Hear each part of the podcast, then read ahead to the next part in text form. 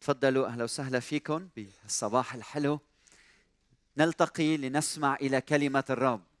نقدم عبادتنا من خلال التسبيح ومن خلال الإصغاء إلى كلمة الرب. في ورقة بين إيديكم بتقودكم بتساعدكم حتى نسمع لهذه العظة وتكون سبب بركة وتغيير لحياتنا. في أمين. أمين يا شعب الرب جاهزين لنسمع لكلمة الرب. موضوع اليوم المحبة الجريئة.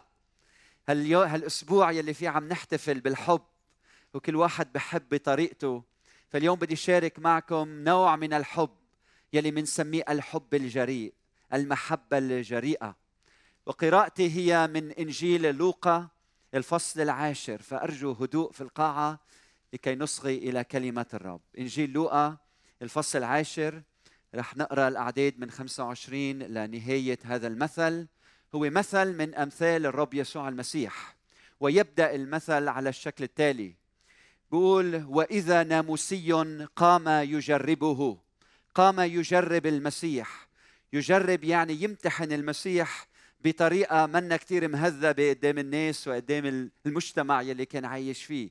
بده يزركوا بالزاوية بده يمتحنوا امتحان في تجربة. وإذا ناموسي قام يجربه ناموسي هو معلم الشريعة. قام يجربه قائلا يا معلم ماذا أعمل لأرث الحياة الأبدية؟ فقال له ما هو مكتوب في الناموس؟ كيف تقرأ؟ فقال تحب. فأجاب وقال تحب. الرب إلهك من كل قلبك ومن كل نفسك ومن كل قدرتك ومن كل فكرك وقريبك مثل نفسك. فقال له بالصواب أجبت افعل هذا فتحيا. وأما هو فإذ أراد أن يبرر نفسه. بده يبرر لماذا؟ سأل السؤال أو بده يبرر نفسه يعني بده يبين إنه هو بار أمام الجماعة. وإذ أراد أن يبرر نفسه قال ليسوع ومن هو قريبي؟ ومن هو قريبي؟ فأجاب يسوع وقال إنسان كان نازلا من أورشليم إلى أريحة فوقع بين لصوص فعروه وجرحوه ومضوا وتركوه بين حي وميت وعرض أن كاهنا نزل في تلك الطريق فرآه وجاز مقابله. وكذلك لاويا لاوي أيضا إذ صار في في ذلك المكان يقول جاء ونظر وجاز مقابله. ولكن سامريا مسافرا جاء إليه ولما رآه تحنن. فتقدم وضمد جراحاته وصب عليها زيتا وخمرا. وأركبه على دابته وأتى به إلى فندق واعتنى به. وفي الغد لما مضى أخرج دينارين وقال لصاحب الفندق اعتني به. وإذا وإذا أنفقت أكثر من ذلك عند عودتي أوفيك. وسأل الرب يسوع المسيح سؤال قوي جدا. أي هؤلاء الثلاثة ترى صار قريبا للذي وقع بين اللصوص. فقال له الذي؟ صنع معه الرحمة. فقال يسوع اذهب أنت أيضا واصنع هكذا. اذهب أنت أيضا واصنع هكذا. والصوت الرب لنا في هذا الصباح. اذهب أنت أيضا واصنع هكذا. هذه هي المحبة الجريئة. لما نسمع لهذا المثل يوقظ الله ضمائرنا يحرك مشاعرنا. فنصغي إلى هذه الكلمة وهو يحاكي الضمير ويرفعنا إلى مرتبة المحبة الجريئة التي يطلبها من كل واحد منا. وبهيدا النص في عندي خمسة ملاحظات خمس ملاحظات. أرجو أنكم تدونوهم عندكم على الورقة الموجودة بين إيديكم. الملاحظة الأولى المحبة الجريئة إخوتي المحبة الجريئة تتخطى العوائق يعني تنتصر على التجارب والتحديات يعني تتخطى الموانع. قديش في موانع بهالحياة بتمنعنا إنه نحب. هيدا المثل بيعلمك وبيعلمك إنك تحب وتتخطى العوائق لكي تحب محبه جريئة. إذا بنتأمل بهذا المثل نرى كيف إنه الكاهن انتبهوا معي نزل في تلك الطريق. هو موجود على الطريق يلي فيها شخص محتاج مطروح بين حي وميت. أما اللاوي الرقم اثنين لما أتى صار عند المكان يعني قرب شوي أكثر هيداك في الطريق هيدا صار عند المكان. لكن السامر الصالح الوحيد المكتوب عنه أنه جاء إليه ولما رآه تحنن. الكل رأوا الكل نظروا. وكم من مرة النظر بيكون هو العائق يلي ما بخلينا نساعد الآخرين. وأحيانا النظر هو الدافع للعمل ولخدمة الآخر. العين عين وتنظر. لكن القلب يحدد كيف تتصرف نتيجة نتيجة النظر النظر. لما نتأمل بهذا المثل نسأل السؤال لماذا؟ ليش الكاهن ليش اللاوي لم يساعدا هذا الإنسان المحتاج؟ شو السبب؟ وفي مئة سبب. ربما الكاهن واللاوي لأنه نازلين من أورشليم إلى أريحة سبق سبق لهم وقاموا بالخدمة في الهيكل وكلنا بنعرف بأريحة كان في عدد كبير من الكهنة يسكنوا بأريحة من بعد نزولهم من خدمة الهيكل. فخلصوا واجباتهم قاموا بالمطلوب منهم. هلأ هن على الطريق شافوا حدا محتاج أنا عملت واجباتي أنا عملت شغلي المطلوب مني عملته بالهيكل. الله راضي علي. لربما السبب الآخر الخوف. إذا أنا هلأ بدي ساعد هذا الشخص يمكن الحرامي مخبى ورا شي شجرة. وهلأ بعد شوي بده يجي علي ويسرقني لإلي ينهبني لإلي. شو بدي بهالشغلة؟ خليني ضلني ماشي بطريقي وبلا ما ساعد شخص محتاج. السبب الثالث يلي هو محتمل جدا إنه الشريعة بسفر العدد الفصل 19 والعدد 11 بتعلمنا إنه اليهودي إذا لمس جثة هامدة يصبح نجسا أسبوع كامل. لدرجة إنه صاروا اليهود حتى إذا ظل وقع على جثة ميتة يتنجسون.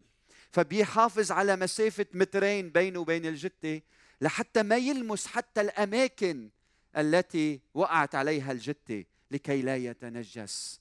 فلربما الشريعة كانت السبب يلي ما خلته إنه يجي ويساعد شخص محتاج شخص محتاج. فكم من مرة النواميس والشرائع بتمنعنا أن نحب محبة صادقة. سأل سؤال الناموسي ماذا أعمل لأرث الحياة الأبدية؟ قال له شو بتقول الشريعة؟ ونحن بنعرف أنه الشريعة بتعلم إذا سلكت بحسب الوصايا تحيا فيها تحيا فيها. بدك الحياة السلوك بحسب الشرائع.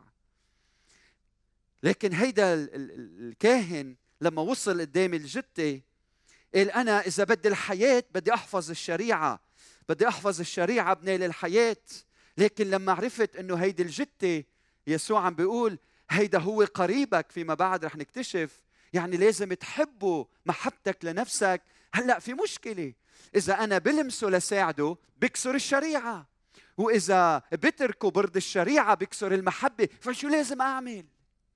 وكان تعليم المسيح بهذا المثل إنه المحبة تتجاوز كل الشرائع. المحبة تتجاوز كل الشرائع. يعني أمام المحبة وما أعظم المحبة كل الشرائع إذا كانت عائق للمحبة تسقط الشرائع والنواميس.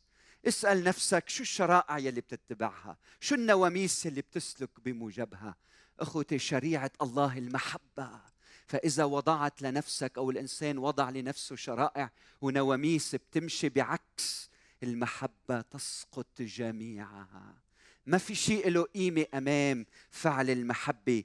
يقول هنا يعني لا شيء يقف بوجه المحبة يعني يعلق الناموس أمام فعل المحبة.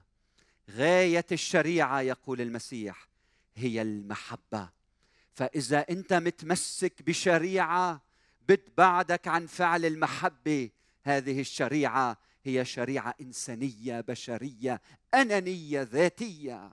إذا الماضي عم ببعدك عن المحبة شو ما صار بحياتك؟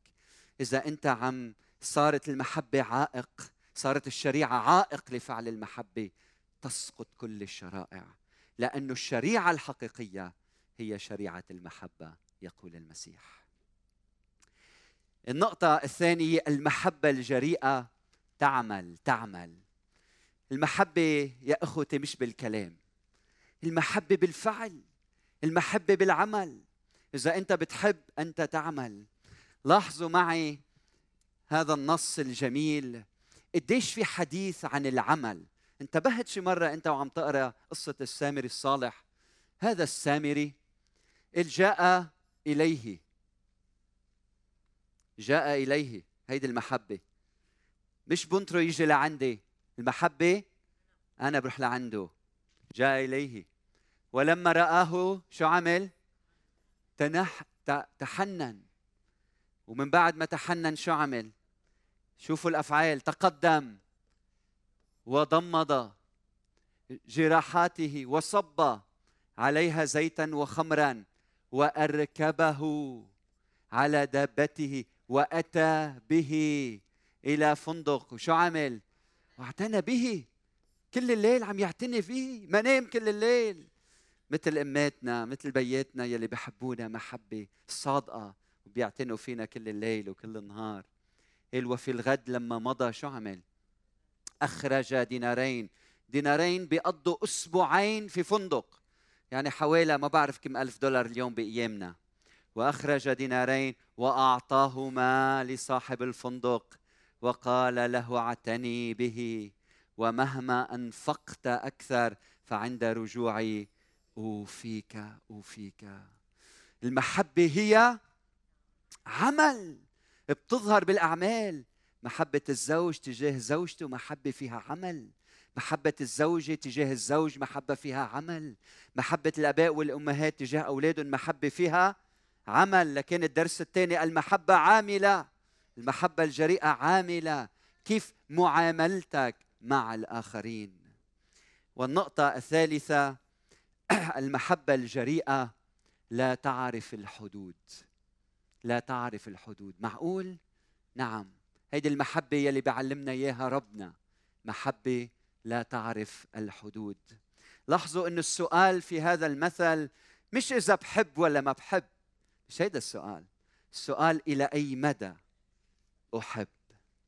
إلى أي مدى يجب أن تحب؟ إلى أي مدى؟ إذا بتدرسوا هذا النص وخلفيته بتعرفوا إنه السامريين واليهود كانوا على صراع مستمر كان في كره بيناتهم لدرجة إنه كان السامري بشارع رقم واحد يلقط الزبالة ويكبها بشارع رقم اثنين مطرح ما ساكن اليهودي واليهودي يلقط الزبالة ويكبها بشارع رقم ثلاثة مطرح ما كان يسكن السامري. بتشوفوا هذا الشيء بيصير ببلادنا أحيانا. فكان في كره بيناتهم. صار في مذابح بين اليهود والسامريين. أحرقت مدن بسبب الكره الموجود بيناتهم والتشنج. كان إذا يهودي أكل ببيت سامري ينعت بأنه إذا أكل خبز ببيت سامري كان ينعت بأنه أكل جلد الخنزير. هل قد كان في كره بين هالجماعتين. والرب يسوع المسيح بهذا المثل أخجل هذا الناموسي لما عمل بطل القصة سامري سامري. وتصور معي أنت عايش بمجتمع يلي فيه مثلا أنت بمكتب حزبي معين. حزب يكره حزب آخر. وأنت بهالحزب قاعد وعم بتخبر رواية قصة. وأنت وعم بتخبر القصة تظهر من خلال هيدي القصة إنه رئيس هذا الحزب ما عم بيقوم بواجباته. هو إنسان خاطي وبتجعل بطل القصة إنسان عادي من الحزب الآخر. شو بيصير فيك؟ ما تتفاجئوا ليش صلب الرب يسوع المسيح؟ لأنه كان يقول الحق وصاحب الحق. فلما اتكلم بهالكلام كان في عنصر مفاجئ في هذا المثل. شو العنصر المفاجئ؟ إنه الرواية لما بتبدأ بتبدأ بكاهن كاهن يهودي نازل من أورشليم إلى اريحا بعدين نازل لاوي الكاهن هو أعلى مرتبة من اللاوي.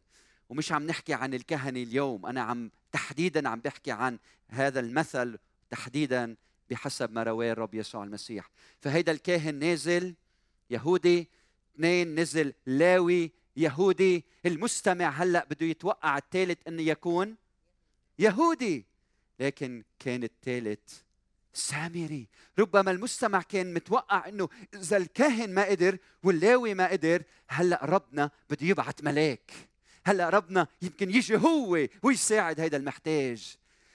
لكنه أرسل هذا بين مزدوجين العدو السامري لكي يظهر الرحمة لهذا الإنسان. كم من مرة المنفكرهم أعداء هن يلي بيطعمونا وهن يلي بيهتموا فينا وهن يلي بيعطونا الحياة الحياة. في عنصر مفاجئ قوي جدا في هذا المثل. هذا الإنسان اللي كان مطروح اللي اللصوص عروه. بتعرفوا ليه عروه؟ مش بس تياخذوا منه كل شيء بس لما بتعري الشخص بهديك المجتمعات بتسلب هويته وبتبطل تعرف خلفيته لأنه كانت تعرف خلفية الشخص الثقافية والدينية من لباسه.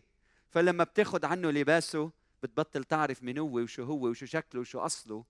فلما اجى السامري حتى يساعد هذا الشخص كان عم بيساعد وعم بيقدم المحبة بلا حدود بلا حدود. ما بهم لونك وشكلك وإذا أسود أو أبيض أو من هذا الدين أو من ذاك. أنا أحبك وأريد أن أخدمك. هذا هو المثل وهيدي غاية المثل اللي بقدم لنا إياها الرب يسوع المسيح. رقم أربعة المحبة الجريئة تغير هويتك. تغير هويتك. المحبة اللي فيك بتغيرك أيها الإنسان. لاحظوا أنه السامري الناموسي سأل من هو قريبي؟ هيدا السؤال. من هو قريبي؟ وانتبهوا لهيدا السؤال. من هو قريبي؟ هل أنت قريبي؟ إذا أنت قريبي يعني هو مش قريبي. يعني الفكرة هي مين المفعول به من يقع عليه الفعل مين يلي بحبه لأعرف مين يلي ما بحبه. من هو قريبي لحتى أحبه يلي مش قريبي لحتى شو؟ ما أحبه أما الرب يسوع المسيح لما سأل بآخر المثل ما سأل من هو قريبي. الأي من هؤلاء الثلاثة ترى صار قريبا للذي وقع بين اللصوص. فصار تركيز المسيح ليس على المفعول به إنما على الفاعل. حتى يقول انت في المحبة تختار ان تكون الجار ونقطة على السطر. معناتها المحبة لا تصنف الآخر. جار أو مش جار المحبة تكتشف ان الآخر هو جار. المحبة لا تعرف من هو الآخر جار أو مش جار. المحبة تعرفني أنا وتقول لي انت الجار. لمين مكان؟ أنت الجار. أنت فيك المحبة. أنت هو الجار للآخرين. الجيرة ما بتولد المحبة إنما المحبة شو بتعمل؟ تولد الجيرة. المحبة تولد الجيرة التي فيك. المسيح بهذا المثل يركز على هويتي أنا. شو لازم أعمل لكي أرث الحياة؟ عم بيقول حب. حب. كن أنت المحبه حب. والمحبة ما بتسأل مين بحب. مش هيك؟ المحبه ما بتسأل مين بتحب لأنه بتحب لأنه هي محبة بتحب. مثل ما إنه المياه العذبة لا تسأل فم من يشربني لحتى تقرر إذا بتتحول إلى سم ولا بتبقى مي عذبة. والوردة في البستان لا تسأل أنف من يشمني لحتى تقرر إذا بتعطي شذاها أم لا.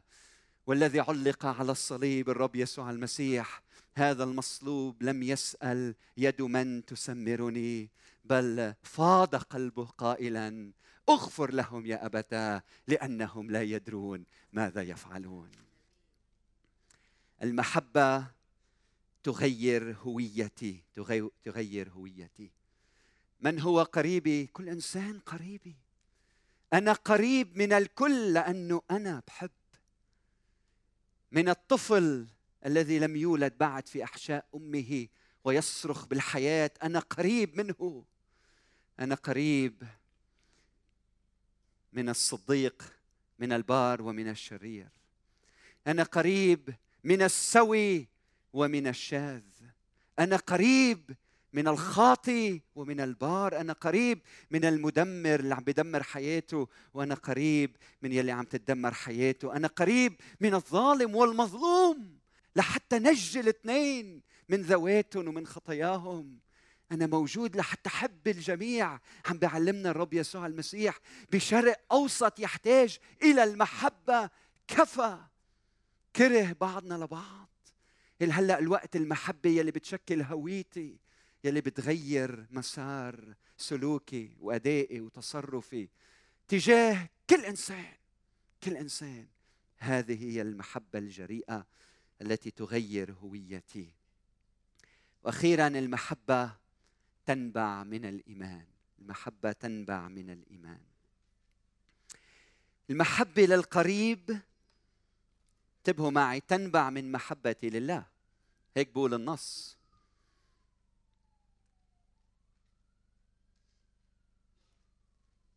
تحب الرب إلهك.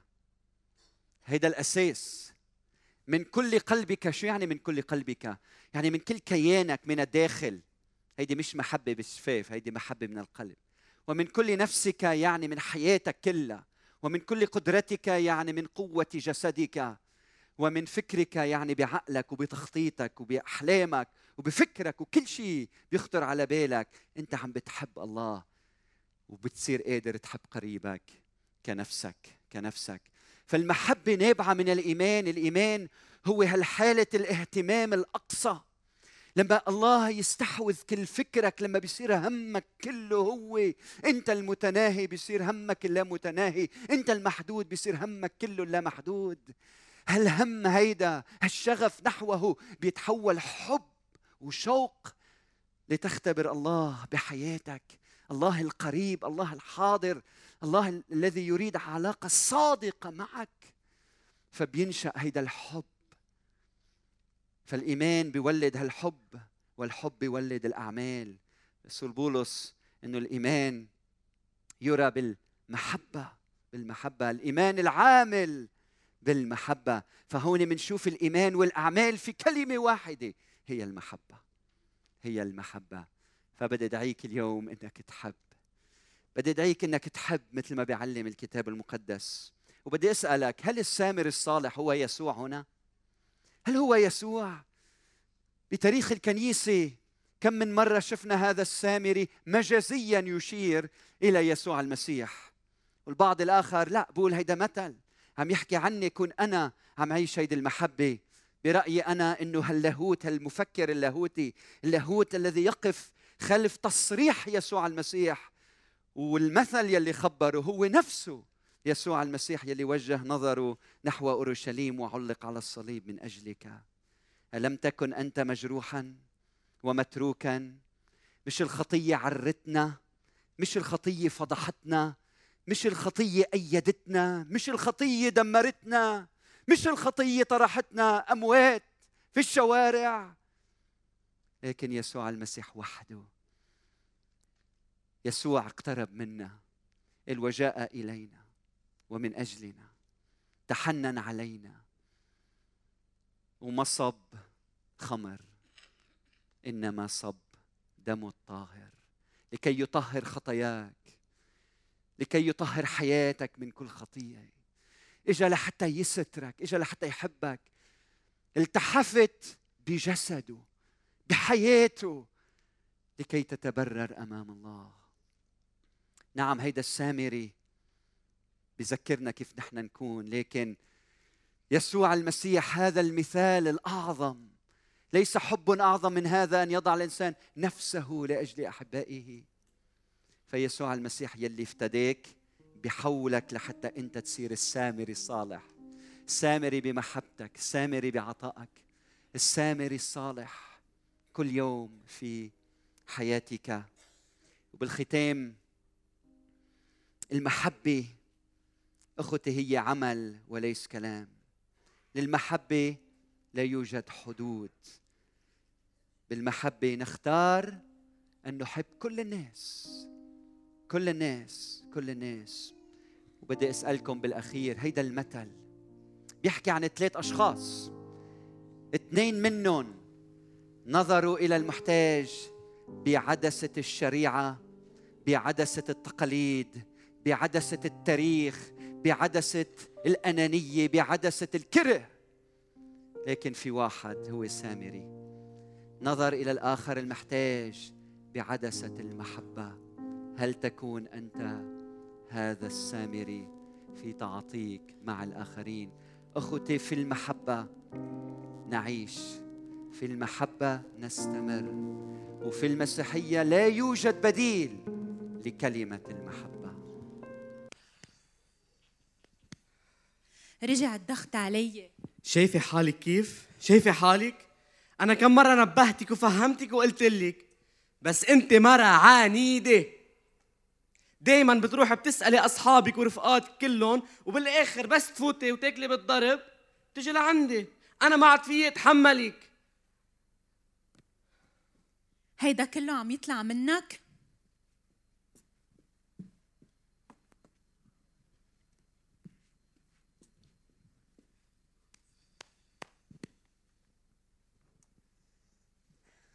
رجع الضغط علي يا حياتي يا حياتي شو بكي؟ خبريني شو صاير معك؟ يلا أنا عم بسمعك امم عم بسمعك يا حياتي أنا شو فيني أعمل لكون حدك وساعدك؟ شو في أعمل تريحك؟ خليني أحملك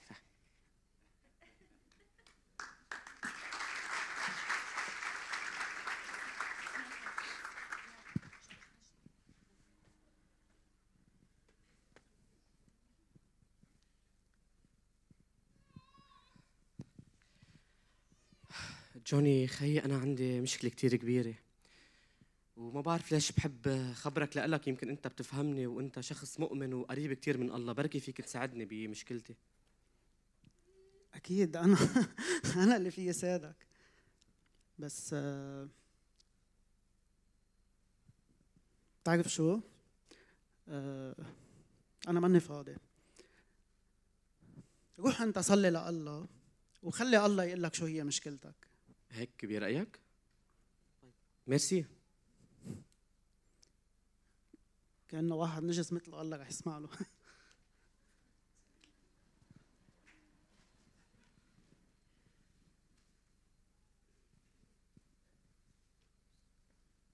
خيي جوني كيفك؟ هلا جورج كيفك حبيبي؟ آه ما بعرف دائما بيجي لعندك آه في عندي مشكلة كتير كبيرة عم بقطع فيها وما بعرف ليه أنت الشخص الوحيد اللي بحسك آه فيك تساعدني يمكن وانت شخص مؤمن وقريب من الله ما بعرف إذا فيك تساعدني. أكيد حبيبي تعال نهض تعال خبرني شو صاير معك.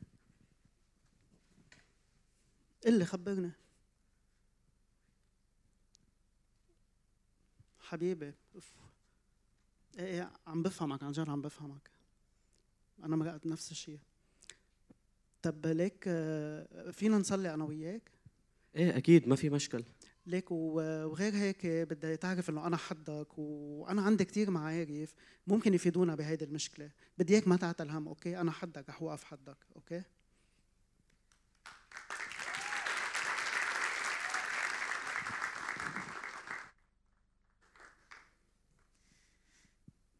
قديش ربنا بحبنا وبيستقبلنا مثل ما نحن. لو شو ما كانت مشاكلنا لو شو ما صار معك لو شو ما صار معك حضن البابا السماوي. بحبك وبيستقبلك مثل ما نحن مثل ما انت.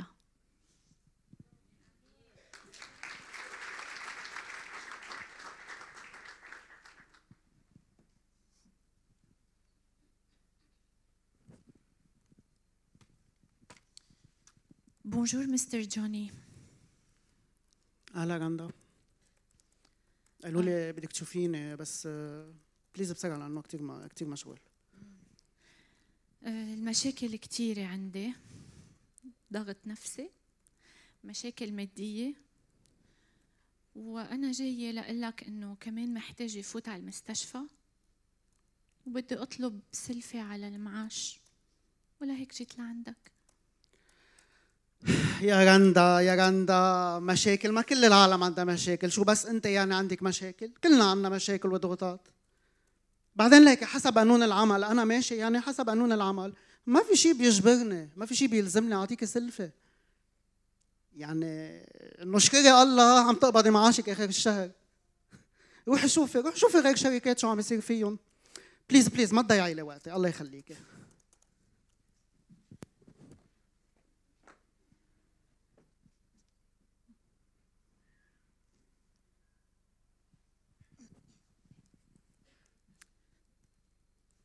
bonjour mister جوني bonjour عندها كيفك؟ يلا بس ثانية تفضلي تفضلي عادي واقفة خبريني شو صاير معك؟ آه صاير أنا كتير متضايقة مشاكل مشاكل بالبيت ضغط نفسي مم. آه وعندي هلا وضع خاص انه بدي فوت على المستشفى اوه سلامتك جاية اطلب سلفي على المعاش بالحقيقة أنا لهيك عندك. رندا بدي لك شغلة. أنت شخص كتير مميز وأنت شخص كتير آه، متفاني بشغله وملتزم ونحن بنقدر هيك آه، نوعية أشخاص. آه، وأنت بتعرفي هلأ وضع الشركة منه كتير منيح ومانعينا إنه نعطي سلفات صراحة. بس أنا بدي ساعدك بتعرفي أنا رح أعطيك من حسابي الخاص.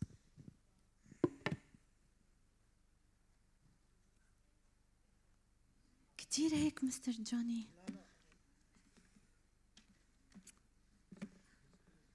عم تشغ... عم تخجلني.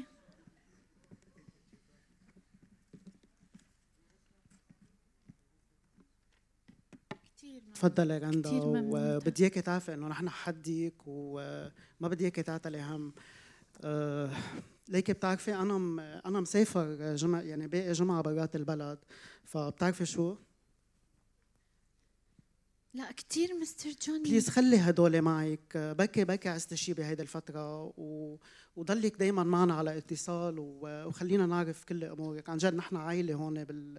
انت بتعرفي هذا الشيء و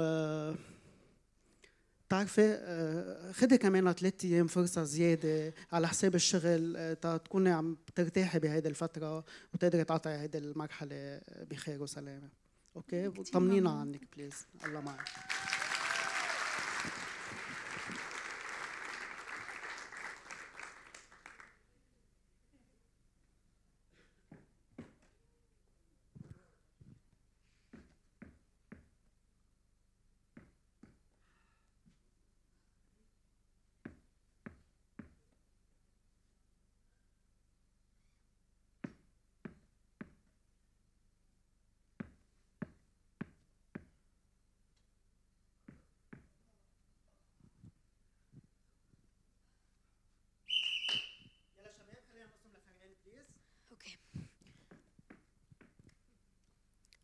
فيني يكون معك بالفريق. لف أكيد أنت معنا بالفريق. عن جد؟ ليك آه، عود على جنب وتفرج علينا كيف عم نلعب. آه. ليش لف بيعرف يلعب؟ ما خسرنا هيديك المرة.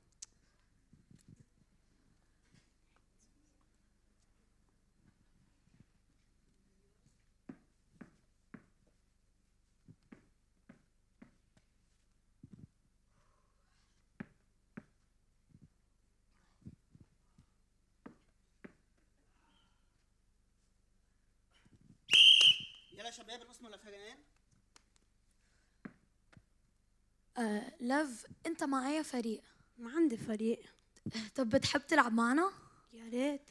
ليش؟ ليش لف؟ انه هيديك المرة خسرته من وراي خسرنا؟ معلش بنعلمك إيه؟ تعتا ليك فرجينا كيف فيك تطج الطابة. معلش معلش. ليك فينا كل يوم بعد المدرسة نتمرن سوا. إيه؟ رح تكون كتير قوي باسكت. انت خيي يلا كم.